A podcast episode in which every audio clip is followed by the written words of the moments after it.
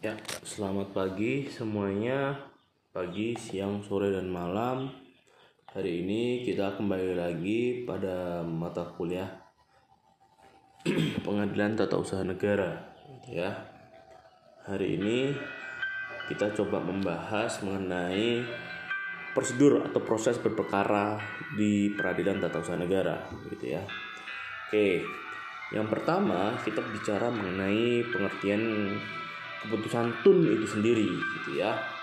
Kalau kita bicara keputusan tun maka rujukannya yang pertama adalah Undang-Undang 5 tahun 86 di mana di dalam Undang-Undang 586 ini salah satu bunyinya di pasal 1 bahwa keputusan tun adalah suatu penetapan tertulis. Itu unsur pertama.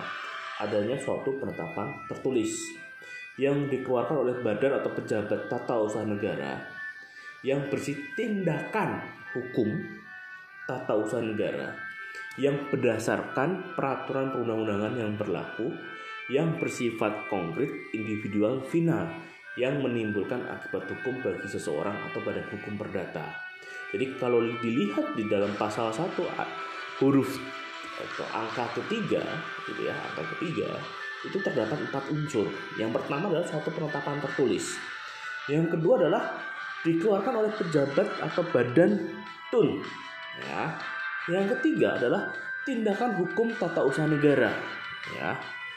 Lalu yang keempat adalah sifatnya itu konkret individual final dan menimbulkan akibat hukum. Ya. Bagi seseorang hukum eh, seseorang maupun badan hukum perdata begitu ya. E, kemudian ya. Di dalam penjelasannya di dalam penjelasan pasal 1 angka 3 tadi dijelaskan mengenai pengertian itu sebagai berikut ya. Istilah penetapan tertulis terutama menunjuk pada isi bukan pada bentuk keputusan yang dikeluarkan oleh badan atau pejabat tun. Keputusan itu memang harus diharuskan tertulis namun disyaratkan tertulis bukan dalam bentuk formal seperti keputusan pengangkatan dan sebagainya. Gitu ya. Jadi tidak harus ada bentuknya formal. Ada SK-nya dan sebagainya. Yang penting memenuhi tadi unsurnya tertulis. Gitu ya. Pernyataan tertulis ini harus kemudian di untuk kemudahan segi pembuktian. Oleh karena itu sebuah memo atau nota dapat memenuhi syarat tertulis tersebut dan akan merupakan suatu keputusan badan atau pejabat menurut undang-undang ini apabila sudah jelas. Ya badan atau pejabat tun yang mana yang mengeluarkan? Maksud serta mengenai hal apa isi tulisan itu? Dan yang ketiga pada siapa tulisan itu ditujukan? Apa yang ditetapkan di dalamnya? Gitu ya. Badan atau pejabat tun adalah badan atau pejabat baik di pemerintahan pusat maupun pemerintahan daerah yang melakukan kegiatan bersifat eksekutif. Ya.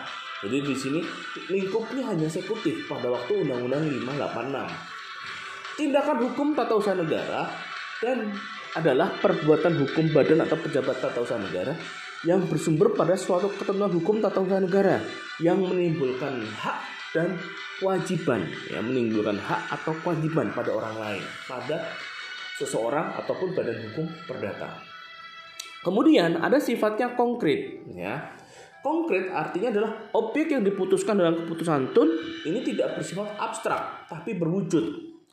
Tentu atau dapat ditentukan seumpamanya keputusan mengenai si A izin usaha bagi si B, pemberhentian si A sebagai pegawai negeri dan sebagainya.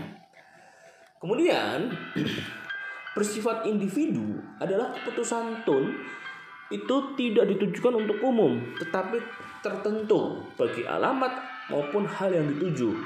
Kalau yang dituju lebih dari seorang, tiap-tiap nama orang yang terkena dalam keputusan disebutkan, umpamanya keputusan tentang perbuatan atau pelebaran jalan, dengan lampiran yang menyebutkan nama-nama orang yang terkena keputusan tun tersebut. Gitu ya. Final artinya adalah sudah definitif, oleh karenanya dapat menimbulkan akibat hukum. Keputusan yang masih memerlukan persetujuan instansi atasan atau instansi lainnya belum bersifat final karena belum dapat menimbulkan suatu hak dan kewajiban pada pihak yang bersangkutan. Umpamanya, keputusan pengangkatan sebagai seorang pegawai negeri memerlukan persetujuan dari Badan Administrasi Kepegawaian Negara. Ya. Kemudian, di dalam uh, Undang-Undang 9 tahun 2004 pengertian-pengertian ini tidak uh, tidak dijabarkan kembali ya mengenai apa itu keputusan. Tun lalu di Undang-Undang 51 tahun 2009 juga demikian. Namun di dalam Undang-Undang 30 ya tentang administrasi pemerintahan dijabarkan lebih luas. Jadi pemaknaannya lebih luas gitu ya. Jadi kalau kita lihat di dalam pasal 87 di mana di dalam pasal 87 itu menyebutkan pengertian terkait dengan keputusan tun itu sendiri ya yang kurang lebih bunyinya adalah dengan berlakunya undang-undang ini keputusan tun sebagaimana dimaksud dalam undang-undang 586 sebagaimana yang telah diubah dengan Undang-Undang 9 tahun 2004 dan Undang-Undang 51 tahun 2009 harus dimaknai sebagai penetapan tertulis yang mencakup tindakan faktual. Jadi pengertiannya itu tidak berubah dari yang sebelumnya, gitu ya. Namun di poin B-nya terdapat perluasan makna, ya. Keputusan badan atau pejabat tun negara di lingkungan eksekutif, legislatif, yudikatif, dan penyelenggaraan negara lainnya. Jadi tidak hanya di lingkungan eksekutif, tetapi juga legislatif, yudikatif, dan penyelenggaraan negara lainnya. Berdasarkan ketentuan peraturan undang-undangan dan asas-asas umum pemerintahan yang baik, kayak AUTB. Final artinya dalam arti yang luas, jadi tidak hanya instansi atasnya tapi lebih, lebih, lebih luas ya. Lalu yang kelima, keputusan yang berpotensi menimbulkan akibat hukum, jadi menimbulkan hak dan kewajiban. Dan yang terakhir, keputusan yang berlaku bagi warga masyarakat. Oke, dari pengertian-pengertian tersebut, gitu ya. Jadi kalau kita bicara eh, awal mulanya, maka setelah memenuhi unsur-unsur tadi, maka masuk dapat mengajukan gugatan PT UN, ya di dalam uh, Undang-Undang 586 ya. Oke, di dalam Undang-Undang 586 di pasal 1 angka 11 gitu ya. Coba kalian cari dulu di angka 11 di situ ya.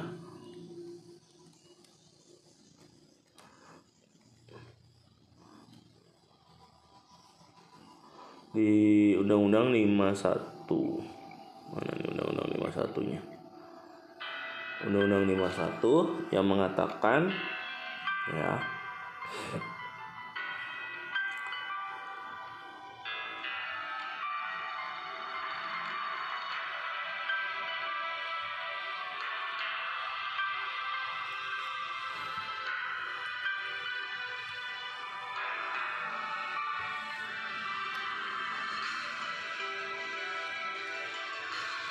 Gugatan adalah permohonan yang berisi tuntutan terhadap badan atau pejabat tata usaha negara dan diajukan kepada pengadilan untuk mendapatkan putusan.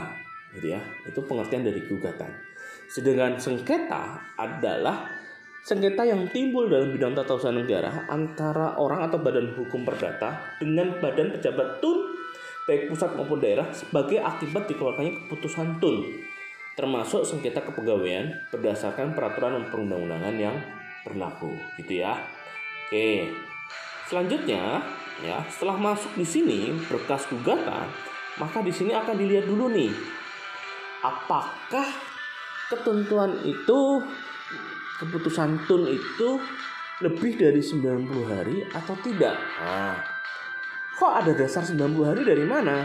Nah, Dasar 90 hari itu pada dasarnya diatur di dalam pasal 5 50 4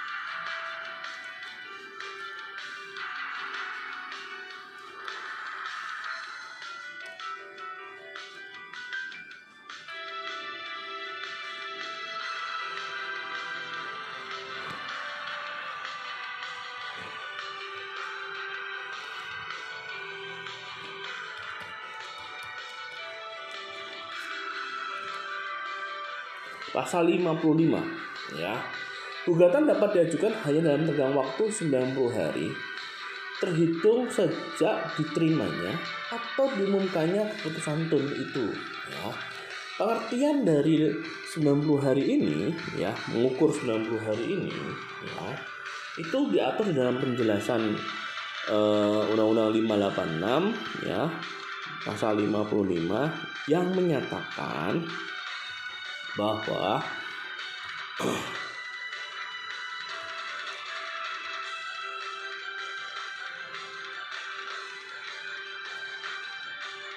bagi pihak yang namanya tersebut dalam keputusan itu yang digugat maka tenggang waktu 90 hari itu dihitung sejak diterimanya keputusan tun yang digugat. Dalam hal yang tidak digugat itu merupakan keputusan menurut ketentuan pasal 3 ayat 2 maupun 3 pasal 3 ayat 3 ya di situ mengenai fiktif negatif gitu ya.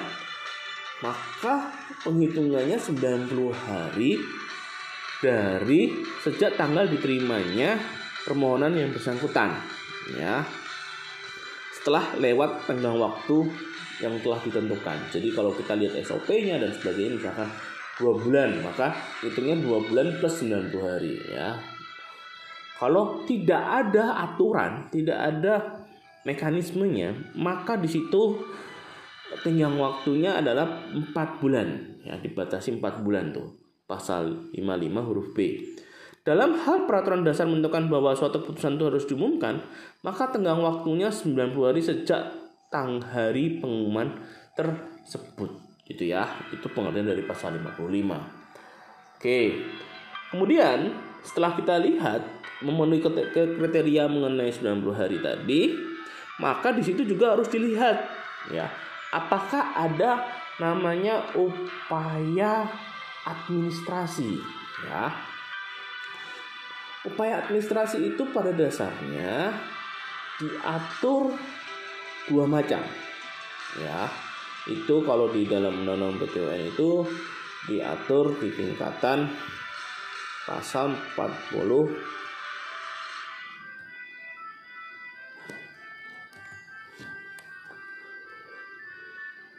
dalam hal suatu atau pasal 48 ya dalam hal badan atau pejabat tun yang diberikan wewenang oleh berdasarkan peraturan perundang-undangan untuk menyelesaikan secara administrasi sengketa tun maka batal atau tidak sah dengan atau tanpa disertai tuntutan ganti rugi administrasi yang tersedia ya.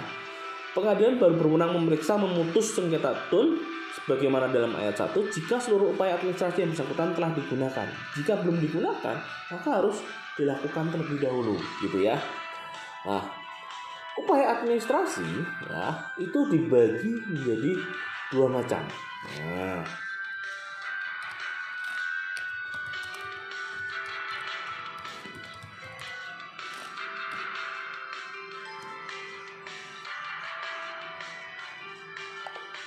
yaitu keberatan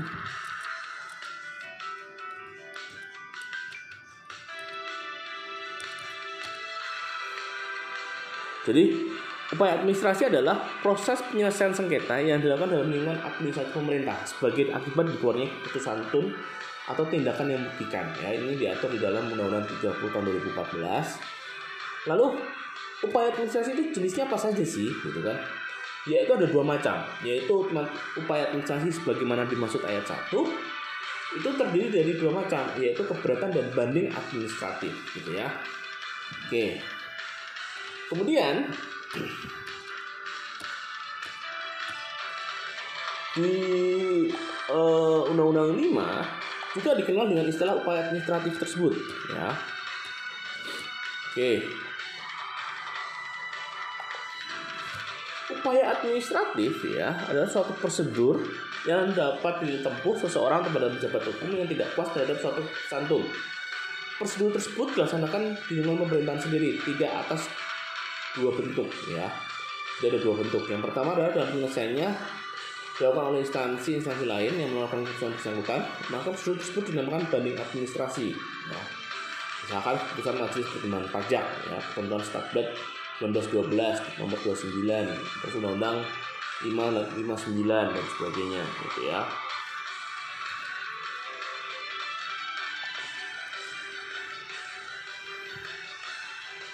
Perselian per perburuan badan pertimbangan kepegawaian keputusan gubernur ya atas gangguan. Terus keputusan tun ya yang dilakukan oleh sendiri badan pejabat tun ya dan sebagainya ya. Oke. Jadi pada dasarnya ada dua upaya yaitu banding administ banding dan keberatan gitu ya. Oke kalau kita bicara keberatan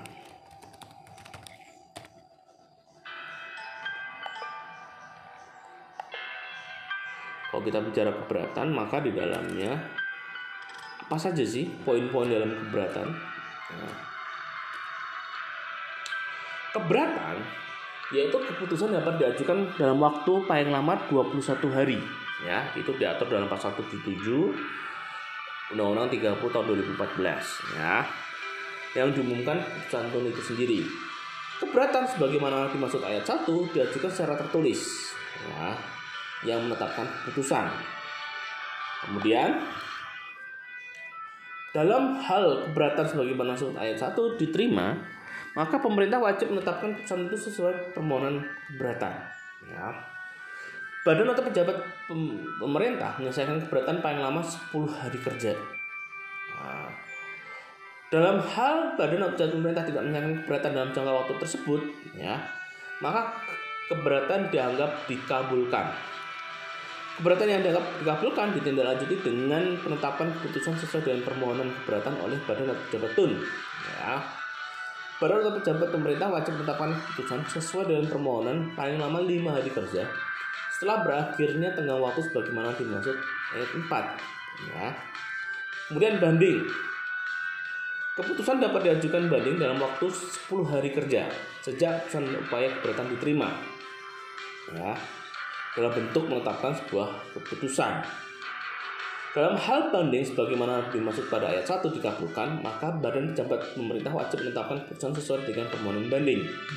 Paling lama menyelesaikan banding yaitu 10 hari kerja. Tidak menyelesaikan banding dalam jangka waktu tersebut, maka keberatan dianggap dikabulkan. Ya. Lalu badan pejabat pemerintah wajib menetapkan keputusan sesuai dengan permohonan yaitu 5 hari kerja yang berakhirnya tengah waktu sebagaimana masuk ayat 4 gitu ya. Oke itu terkait dengan mekanisme upaya administratif. Kemudian setelah itu ya setelah masuk di dalam ruang pengadilan, setelah upaya-upaya tadi sudah terpenuhi, maka masuk di dalam eh, pengadilan tata usaha negara ya. Gugatan ditujukan kepada ketua pengadilan tata usaha negara ya. Kemudian si pemohon ya penggugat ya. Jadi kalau sebelum belum menjadi pihak perkara maka pemohon itu membayar biaya perkara lalu perbaikan ya gugatan formil ya diatur di dalam uh, pasal 59 gitu ya perbaikan-perbaikannya lalu di dalam proses ketua PTUM ya yaitu proses dismisal proses ya. Menentukan apakah pengadilan tata usaha negara itu berwenang atau tidak berwenang ya. Oke salah satunya dasar yaitu diatur di dalam pasal 2 ya Undang-Undang 586 di mana di dalam pasal 2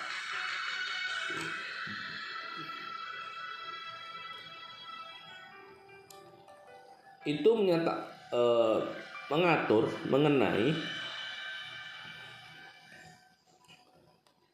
yang tidak termasuk pengertian keputusan tun. Menurut undang-undang ini yang pertama keputusan tun merupakan perbuatan hukum perdata. Keputusan tun yang merupakan pengaturan yang bersifat umum. Lalu keputusan tun yang masih memerlukan persetujuan. Lalu yang keempat keputusan tun yang dikeluarkan berdasarkan kitab undang-undang hukum pidana perdata ya. Yang sifatnya hukum pidana. Lalu keputusan tun yang dikeluarkan atas dasar hasil pemeriksaan badan peradilan, ya, berdasarkan ketentuan peraturan perundang yang berlaku. Lalu keputusan tun mengenai tata usaha Tentara Nasional Indonesia, ya, panitia pemilihan baik di pusat maupun daerah mengenai hasil pemilu.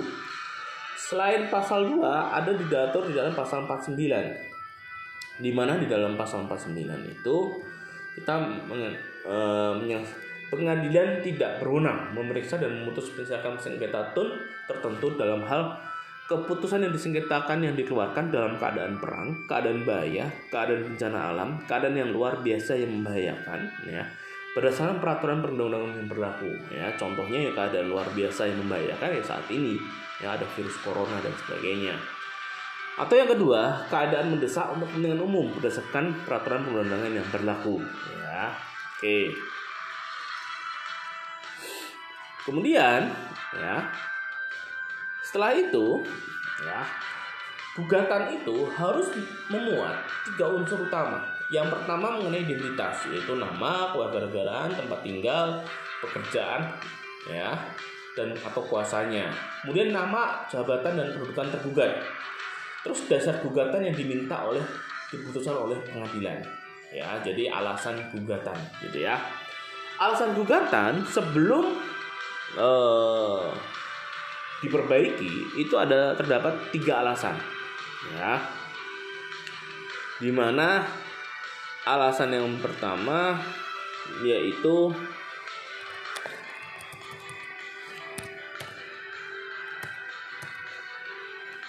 keputusan tun yang digugat ya ini yang diatur di dalam Undang-Undang 586 gitu ya alasan-alasan yang digunakan gugatan ya di dalam pasal 53 itu adalah yang pertama keputusan tun yang digugat itu bertentangan dengan peraturan perundang-undangan yang berlaku ya yang kedua, badan atau pejabat TUN waktu mengeluarkan putusan TUN telah menggunakan wewenangnya dengan tujuan lain dari maksud yang diberikan wewenang tersebut.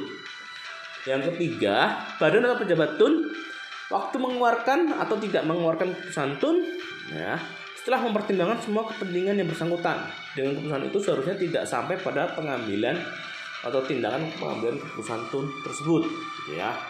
Namun, alasan gugatan ini ya ini sudah dilakukan perubahan di mana alasan gugatan ini diatur lebih lanjut ya atau diubah gitu ya diubah dengan Undang-Undang 9 tahun 2004 alasannya yang dilakukan perubahan itu adalah menjadi keputusan tun yang diugat itu bertentangan dengan peraturan perundang-undangan yang berlaku yang kedua adalah alasan yang kedua yaitu keputusan tun yang digugat itu bertentangan dengan asas-asas umum pemerintahan yang baik. Gitu ya. Jadi kalau dulu tiga sekarang menjadi dua ya. Jadi yang dipakai adalah yang dua bertentangan dengan peraturan perundang-undangan yang berlaku dan bertentangan dengan asas-asas umum pemerintahan yang baik ya. Jadi kalau ada soal jangan sampai salah. Ini biasanya sering keluar ujian nih, gitu ya. Tuh. Oke. Kemudian ya, apa yang dimaksud dengan asas-asas umum pemerintahan yang baik gitu ya. Asas-asas umum pemerintahan yang baik itu pada dasarnya diatur ya di dalam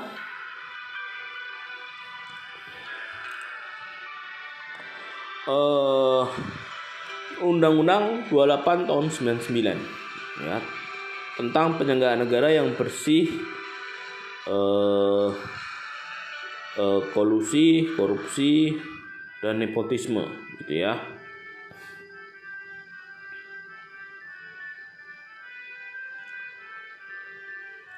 Oke, bisa kalian cari di Undang-Undang 28 tahun 99. Di situ ada uh, bunyi ya atau apa nih pasal ya mengenai asas.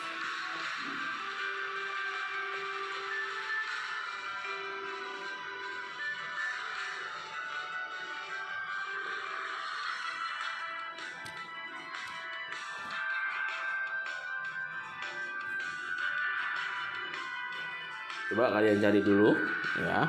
Sudah ketemu?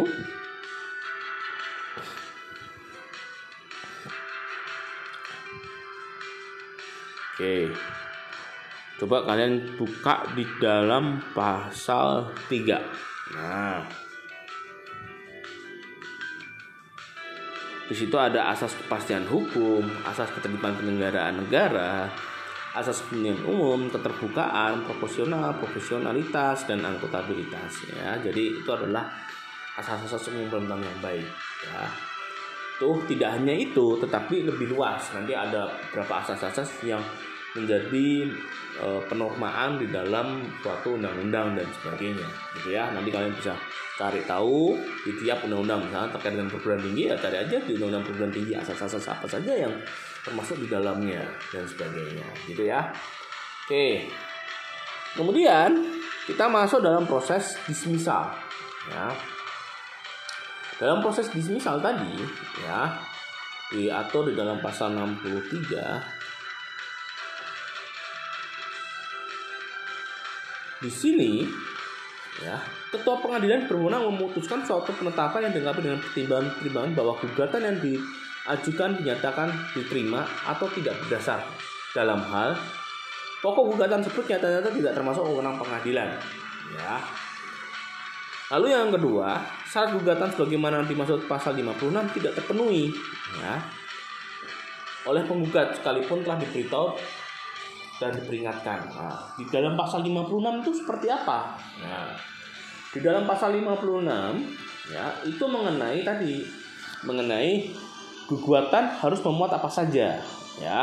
Kemudian apabila gugatan dibuat dan ditangani oleh surat eh, penggugat, maka gugatan harus disertai dengan surat kuasa yang sah. Lalu gugatan sedapat mungkin disertai dengan keputusan tun yang disengketakan, gitu ya. Oke. Kemudian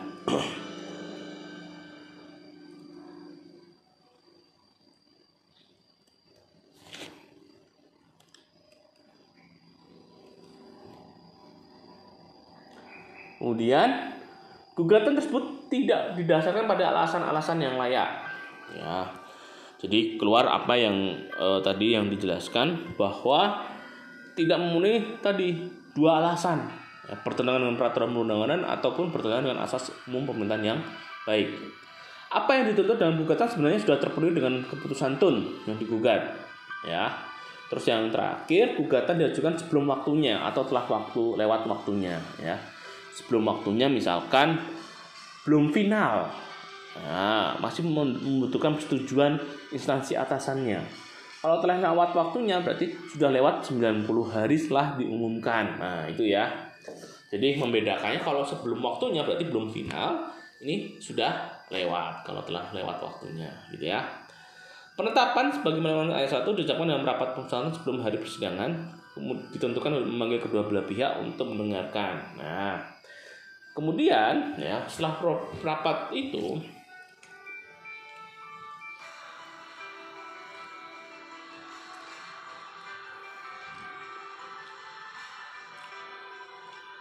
Penetapan sebagaimana itu diucapkan dalam rapat pemusatan sebelum hari persidangan ditentukan sebagai memanggil dua belah pihak pemanggilan dengan surat tercatat dan sebagainya perlawanan diajukan ya jika itu ditolak gitu ya Lalu sebelum pemeriksaan pokok perkara sengketa, hakim wajib mengadakan pemeriksaan persiapan. Nah, siapakah yang mau melakukan? Itu adalah majelis hakim, ya. Melengkapi yang kurang jelas, ya, memberikan nasihat pada penggugat, memperbaiki gugatannya, melengkapi data yang diperlukan, gitu ya.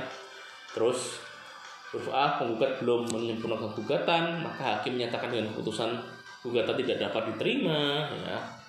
Terhadap putusan tidak dapat digunakan upaya hukum tetapi dapat diajukan gugatan baru ya, dan sebagainya. Itu namanya rapat persiapan gitu ya. Oke. Kemudian ya ketika lolos itu e, masuk di dalam majelis hakim ya. Di sini acara cepat dan acara biasa ya. Kalau kita bicara acara cepat maka hakimnya hakim tunggal gitu ya. Diatur di dalam pasal 98 Di mana kalau kita bicara 98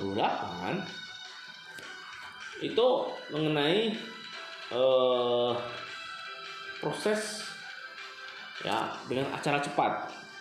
Terdapat kepentingan penggugat yang cukup mendesak harus dapat disimpulkan dari alasan yang memohon. Penggugat dalam penggugatannya dalam memohon penggugat supaya memeriksa sengketa dipercepat. Ketua pengadilan jangka waktu 14 hari setelah diterimanya permohonan mengeluarkan penetapan tentang dikabulkan atau tidak dikabulkan permohonan tersebut ya. Terdapat penetapan tersebut tidak dapat digunakan upaya hukum. Jadi kalau sudah diputus oleh hakim ya eh, ketua pengadilan ya maaf ya ketua pengadilan yang memutuskan apakah ini menjadi acara biasa atau cepat maka tidak ada upaya hukum ya. Ya sudah jadi upaya biasa saja. Maka tidak bisa ada upaya hukum untuk upaya cepat gitu ya Pemeriksaan acara cepat dilakukan oleh hakim tunggal, ya. Dalam permohonan dikabulkan, ketua pengadilan jangka waktu tujuh hari setelah dikeluarkan penetapan menentukan hari, tempat, dan waktu sidang, ya.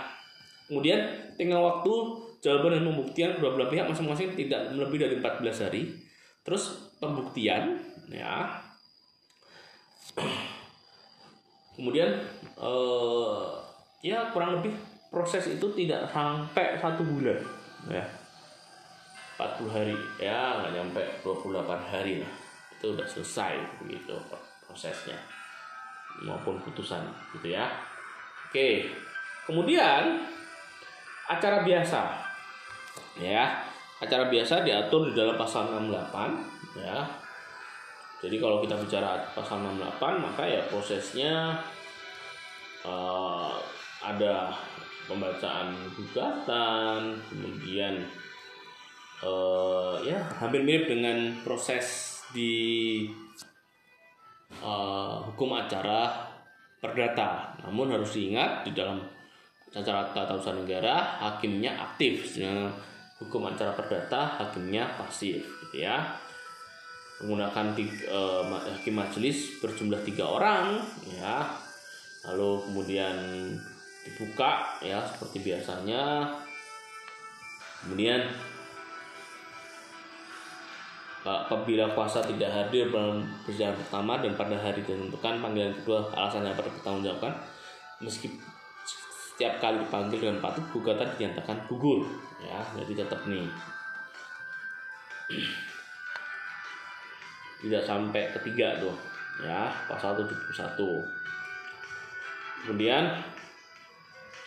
apabila uh, mulai persidangan masing-masing terus penggugat dapat waktu-waktu untuk menggugat gugatannya ya memberikan jawabannya dan sebagainya. Lalu di situ ada eksepsi apabila itu terkait dengan uh, kompetensi absolut maka harus diputus terlebih dahulu gitu ya tapi kalau terkait dengan eksepsi lain ya maka itu bisa diputus bersama dengan pokok sengketa.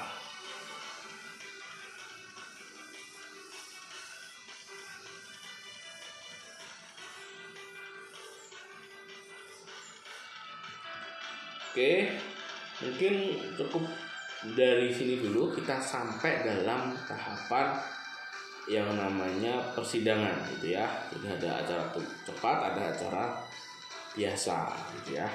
Nah ketika tidak lolos ya di sini ada sebutnya perlawanan ya. Lalu di sini ada acara singkat di mana acara singkat itu untuk melakukan perlawanan tadi. Perlawanan kenapa kok tidak lolos? Yang diatur di dalam uh, memen, uh, tidak memenuhi unsur-unsur tadi ya pasal 56 lalu keputusan yang itu sudah dipenuhi dan sebagainya maka di situ ada upaya acara singkat.